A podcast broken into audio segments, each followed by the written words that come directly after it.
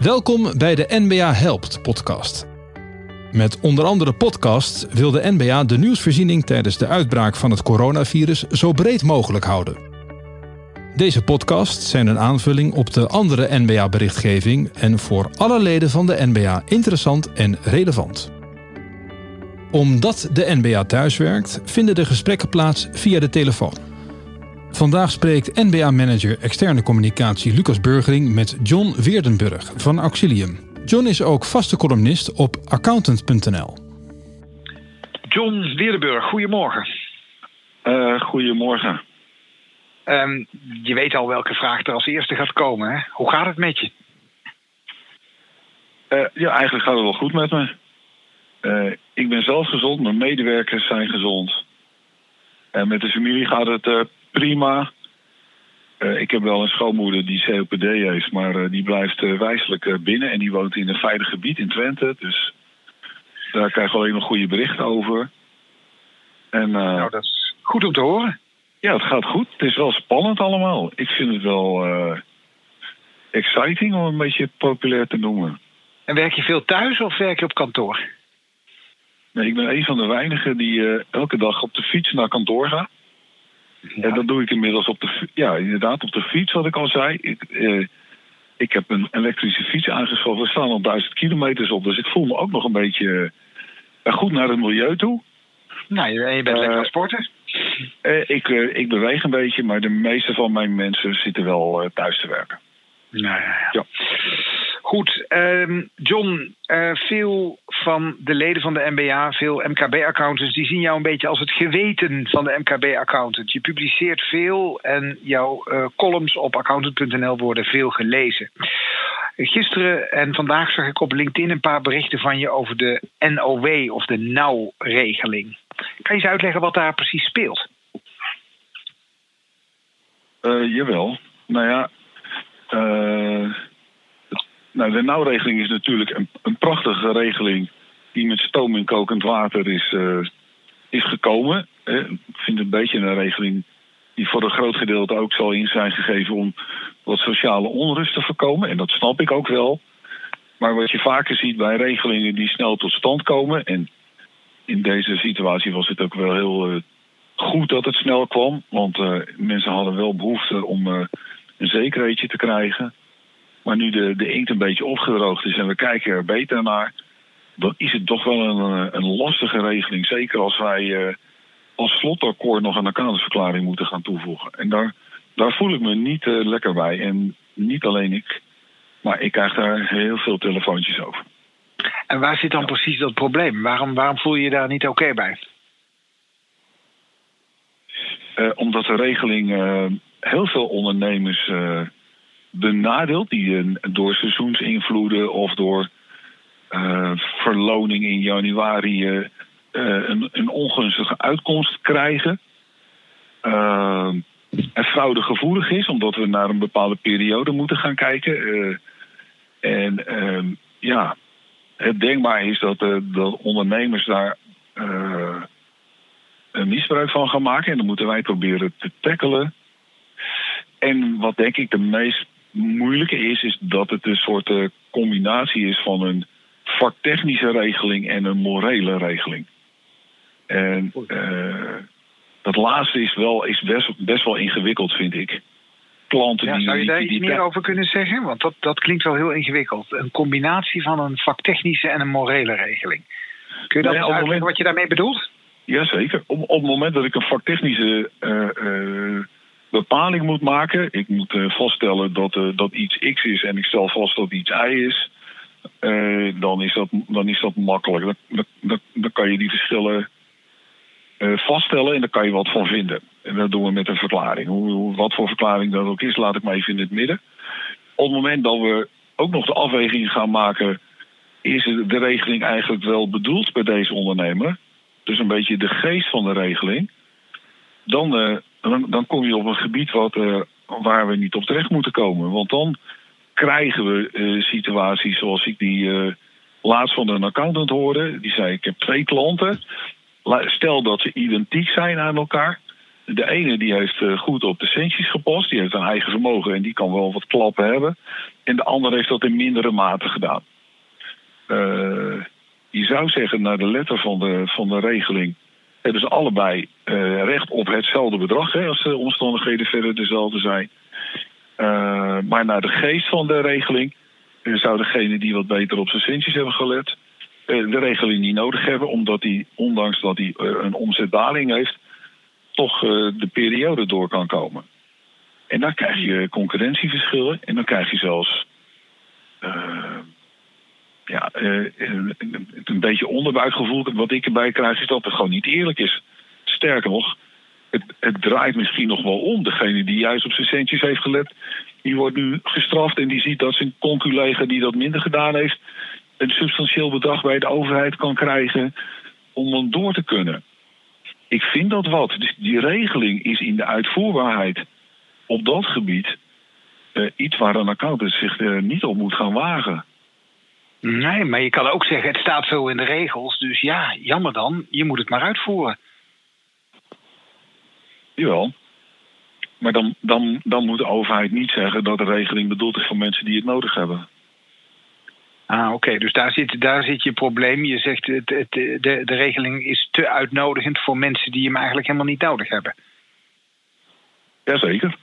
Ja. Ja. En waar maak je dan precies zorgen over? Want een accountant die zich gewoon aan de regels houdt die er zijn, die tekent wat hij moet tekenen, die niet tekent wat hij niet kan tekenen, wat kan er dan gebeuren? Nou, in principe niet. Uh, maar je ziet wel dat collega's wel met die moraliteitsdiscussie uh, worstelen. Dat die eigenlijk zeggen van ja, als ik het zo allemaal belees, en we lezen dat ook vanuit de berichtgeving van de NBA, van denk goed na. Een ondernemer die het eigenlijk niet nodig heeft, die moet je ook niet gaan faciliteren. Mm -hmm. de, de, de, TOZO is ook zo'n uh, uh, zo'n norm. Dat op het moment dat je geen inkomen hebt, kan je bij de gemeente uh, die, die aanvulling op bijstandsniveau krijgen. Maar op het moment dat je een flink vermogen hebt, dan, dan is het eigenlijk schandalig dat je aanklopt. Maar dat mag wel. Ja, en als je dan als accountant zou zeggen: ik teken niet, dan uh, loop je natuurlijk het risico dat die ondernemer over een aantal maanden zegt: uh, ja, deze accountant uh, die heeft mij een hoop geld gekost, want ik had gebruik kunnen maken van een regeling waar ik recht op had, heb ik niet gekregen. Ik ga die accountant eens aansprakelijk stellen of ik ga een, bij de accountantskamer eens kijken of ik daar wat kan halen. Nou, dan zal hij dat denk ik bij de TOZO niet zo snel doen, omdat die bedragen niet zo hoog zijn. Maar bij de nauw kan je er gewoon op wachten. Nou, ja, precies. Dat, dat, ja, en, en, en, als dat gebeurt en accountants die houden hun roer, hun morele kompas uh, kaarsrecht, dan lopen ze dit risico. Uh, ja. Ja, dat, en, dat, uh, en, dat, en, en daarvan zou je eigenlijk zeggen, nou oké, okay, dan laat je zien dat je een rechte rug hebt. En dat is fijn dat, uh, dat die collega's er zijn. En ik hoor ook collega's die daar zo in staan. Hè, die zeggen, ja, dat moet je helemaal niet doen. Dat is voor jou helemaal niet bedoeld. Uh, maar ik denk dat op het moment dat je, dat je deze situatie ook nog gaat koppelen aan, je zou een beetje, een beetje flauw gezegd, maar het is wel uh, bewust bedoeld. De zorgplicht van de accountant. Je moet de klant wijzen op regelingen. En je moet hem daarop attenderen. En als de accountant dat niet gedaan heeft, sterker nog, hij weet dat formeel je klant, de klant aan die regeling voldoet, maar hij wil niet meewerken omdat hij dat in de geest van de regeling niet vindt passen, dan denk ik dat de civiele procedure met de schadevergoeding dat die, dat die gewoon in het verschiet ligt. Nou, en dan, dan, dan bereiken we juist wat we niet willen. Maar dan heb je een duivels dilemma voor een accountant. Want als hij niet tekent omdat hij zijn roerrecht wil houden, dan loopt hij een risico op aansprakelijkheidsstelling. En als ja. hij wel tekent, dan loopt hij het risico dat over een half jaar uh, de maatschappij zegt: Ja, jongens, maar zo zat de regeling niet in elkaar. Die accountants hebben het verjubeld. Ja, dat kan zo zijn, ja. Ik denk dat die regeling, voordat de MBA gaat zeggen: wij, wij gaan uh, onze handtekening zetten onder die eindafrekening dat ze, dat ze nog wel even wat uh, puntjes op de i moeten gaan zetten bij deze regeling. Ja, en er, maar er dan... komt nog, een, komt nog een, uh, een, een, aanvulling op, denk ik. MKB-ondernemers die bij administratiekantoren zitten, die moeten mogelijk bij een accountant gaan aankloppen. Ja, dat is, dat is, dat, dat is bijna niet uit te voeren. Dan kan je gewoon op wachten dat als we daarmee aan de slag gaan, dat er misschien nog wel een. dan komt die accountant in een heel verkeerd daglicht te staan. Ja, maar John, even aan te geven, Lucas, vanochtend. Uh, belde naar een accountant op die zei: Er is hier een administratiekantoor in de, in de buurt. En die zegt tegen zijn klanten: Joh, stel je facturering even uit tot juli. Uh, dan kan je nu de maximale subsidie binnenhalen. En dan uh, ga je in juli ga je, je omzet doen. En dat administratiekantoor die gaat dan een keer bij een accountskantoor aankloppen voor die verklaring. Ja, het is, uh, het, het is niet uitvoerbaar wat er nu ligt. Nee, en tegelijkertijd het lastige is dat de, als, een, uh, als een ondernemer doet wat je net schetst, dan is dat nog geen fraude. Dus hij blijft binnen de, hij blijft binnen de lijntjes van de wet. Nee, dat in dit geval niet. Ik, ik denk dat als hij in mei diensten of goederen levert en hij gaat ze pas in juli factureren, dat hij buiten de lijntjes loopt. Dat is buiten de lijntjes kleur. Dat vind ik buiten de lijn. Daar moet, dan moet hij gewoon factureren in die periode. En dan krijgt hij minder geld. Maar dat is zoals het, zoals het hoort te wezen. Oké, maar als iets buiten de uh, wet valt, dan is het fraude, dat is makkelijk. Maar als iets nog binnen de wet blijft, ja, dan is het ingewikkeld. Je hebt een uh, principieel dilemma geschetst, je hebt een uh, praktisch dilemma geschetst. hoe moeten we hieruit komen? Want als ik het zo hoor, dan is dat met die nauwregeling, dat, dat, dat, wordt, dat, dat wordt, ja, je noemt het zelf bijna niet uitvoerbaar. Nou ja, ik denk dat we even terug moeten naar de tekentafel en ergens wat ergens een, uh, een veiligheidsslot aanhangen. En wie zei ze? Dat, de, de, de, regering en misschien wel samen met, uh, met, uh, met het NBA-bestuur. Ik denk dus, dat, dat de NBA zou moeten zeggen, zoals die er nu ligt, is het niet uit te voeren of is het heel lastig uit te voeren. We hebben onvoldoende handen en voeten om. Uh, om we moeten, we moeten anders zeggen, we hebben te, te weinig hou vast om op een objectieve en een deskundige manier te doen wat jullie nu van ons vragen. Ga dat alsjeblieft even hertekenen. Uh, en desnoods door, nou, om een voorbeeldje te geven. Want ik probeer ook maar op mijn manier een beetje na te denken naar een praktische oplossing. Als we straks de jaarrekeningen van 2020 hebben en het blijkt dat die onderneming in dat boekjaar eigenlijk bijna geen omzetverlies heeft gehad ja, dat je dan zegt, ja, dan heb je ten onrechte die subsidie gekregen. Dan moet er een deel van terug. Oké, okay, dus er kan, er kan een verschuiving zitten. En bij horeca is het best lastig, hè? Ja. En, en niet, ook lastig uh, aan te tonen. Uh, ja, maar op het moment dat je, dat je het hebt over een productiebedrijf die nog wel zijn orders heeft liggen, uh, maar niet kan produceren omdat de mensen te dicht op elkaar zitten en uiteindelijk het later inhalen, daarvan zou ik zeggen, uh, doet het dan niet. En dan zeg je eigenlijk dat de, de, als een bedrijf nu een beroep doet op die subsidie, dat die voorwaardelijk zou moeten zijn. En dat bij de uh, afrekening over het boekjaar er gekeken moet worden of die subsidie terecht was of niet. En dat we dan, als die onterecht was, dat er dan maar terugbetaald moet worden. Jazeker. Ja, oké. Okay. Um, je, je, je zegt een aantal keer, de regeling zoals die er nu ligt, is niet uitvoerbaar. Dat betekent dat als er nu niet iets gebeurt vanuit Den Haag, dat je zegt, daarmee komen heel veel MKB, met name MKB-accountants, in de problemen. Klopt dat? Ja, zo zie ik het nu wel. Ja. En dat baseer je ja. op de praktijk, op de signalen die je krijgt uit het, uh, uit de, uh, uh, het veld. Jazeker. Dus ze worstelen heel erg met dat, met dat dilemma van, van het toerekenen van die omzet aan die periodes toe. Ja het feit dat er nog heel veel onduidelijk over die periodes is. Hè, want we hebben het over. Je kan kiezen uit drie blokken van drie maanden. Hè, wat is het? Uh, maart tot en met mei, april tot en met juni en mei tot en met juli. Ja, die afgrenzing is niet geregeld. Bij MKB-ondernemingen is die gewoon niet geregeld. Uh, daar hebben we geen functiescheiding om maar een accountantsterm erin te gooien. Dus we zijn een beetje overgeleverd aan ja, aan wat, we, wat we aantreffen. En bij een eigen klant, daar, dan ken je Poppenheimers wel. En, en dan weet je ook wel hoe de moraliteit van ondernemers uh, is. Uh, maar op het moment dat we het nu moeten gaan uitvoeren met de houvast die we nu hebben, en ik vind dat een glibberige houvast, dan moeten we even zorgen dat het wat meer gaat, uh, duidelijker ja. gaat worden voor ons. En ik hoorde je een oproep doen aan het NBA-bestuur om dit in Den Haag aan te gaan kaarten en zo snel mogelijk die duidelijkheid te gaan verschaffen. Desnoods met een reparatiewetje of met een aanvullende verklaring vanuit de regering op hoe de wet moet worden uitgelegd. Ja, als ik ervan uitga dat het NBA-bestuur ook niet nog een tweede serie met schandalen wil hebben over het beroep. Want dit gaat natuurlijk heel veel maatschappelijke impact krijgen wat we gaan doen. We hebben het over 45 miljard.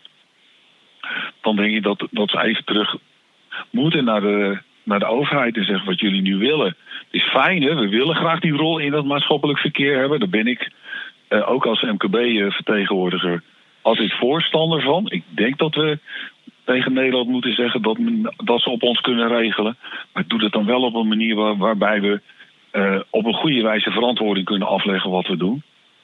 Uh, en dat is voldoende, op dit moment, wat mij betreft, uh, niet het geval. Oké, okay, nou dat is een helder signaal. Um, tot slot, John, um, heb je voor de MKB-accountants die dit horen ook nog een tip? Wat moeten ze op dit moment doen? Ehm, nou, wat ik merk, Lucas, dat heel veel accountants zijn echt heel erg druk. Werken s'avonds door, werken in de weekenden door. Uh, zijn heel erg uh, gebonden, uh, persoonlijk verbonden aan die, aan die klant. Hè? Wel met de nodige afstand. omdat dat beroep nou eenmaal van ons vraagt. En dat is ook duidelijk. maar wat je ook ziet is dat door die hectiek je kritisch vermogen wat afneemt. Je bent druk, je bent wat minder scherp. En een van de, van de dingen die natuurlijk in het verleden ook al gebleken is dat is, uh, als je een klein kantoor bent, ben je kwetsbaar. Dan heb je geen mensen om op terug te vallen. Uh, laten die kleine kantoren alsjeblieft ervoor zorgen uh, dat ze af en toe een backup hebben. En dat is geen reclameplaatje voor, voor onze ondersteuning. er zijn heel veel partijen die naast ons die ondersteuning aan die MKB-kantoren geven. En de helft van de MBA waarvoor ik een uitermate groot compliment moet maken in deze periode. Maar dat heb ik ook al in een column geschreven. Ik maak een oprechte diepe buiging voor wat ze doen. Maar die kleine kantoren moeten zich heel goed realiseren. Als je alleen een fout maakt, is niemand die, die je daarop attendeert. Laat alsjeblieft iemand uh, in kritische situaties meekijken. Uh, want ondanks de inzet uh, is een foutje in deze drukte snel gemaakt. En als je dat een beetje kan voorkomen door iemand mee te laten lezen bij een jaarrekening of een tekst door te laten nemen of een bij die nauwe afrekening. Dat je ook misschien zegt, ik ga het twee ogen of het vier ogen principe doen. Laat iemand even meekijken dat ik geen foutje gemaakt heb. Dat zou ik mijn collega's nu wel willen toewensen. Ja. Nou, dat is, dat is helder. En ik vind het mooi dat je zegt, dat hebben we nodig met elkaar om uh, met recht te kunnen zeggen, Nederland rekent op zijn accountants. Ja, dat mogen ze nu zeker ook wel gaan doen. Maar dan, dan moeten we het al goed doen, Lucas. Want poe, poe. Ja. ja. Ja, nee, ik sluit me daar zeker van, van harte bij aan. John, ik wil je heel hartelijk danken voor dit gesprek en voor je heldere signaal uit, uh, uit uh, de praktijk um, aangaande de NOW-regeling en het advies aan de met name kleinere kantoren. Uh, pas het vier ogen principe toe. Dankjewel, John. Oké, okay, fijne dag nog, Lucas. Dankjewel. Dit was de NBA Helpt podcast. Bedankt voor het luisteren. Tot de volgende keer.